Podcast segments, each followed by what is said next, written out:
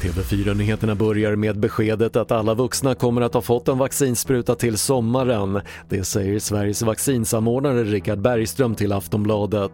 Enligt Bergström kommer cirka 1,2 miljoner doser av Johnson Johnsons vaccin att levereras innan juni är slut.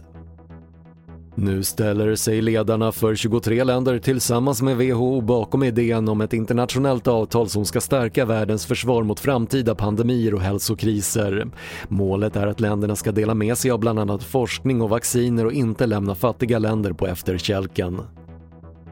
Världsbanken och Europeiska investeringsbanken har kraftigt minskat investeringarna i fossila energiprojekt rapporterar SR.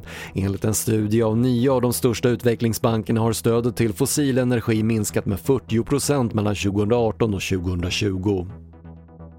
Och pandemin har inneburit en boom för försäljningen av växthus, det visar en rundringning som TV4-nyheterna har gjort. Hos en del byggkedjor såldes dubbelt så många växthus förra året som under 2019 inför årets säsong är efterfrågan så stor att det riskerar att bli brist i butikerna. Det var det senaste från TV4-nyheterna. Jag heter Patrik Lindström.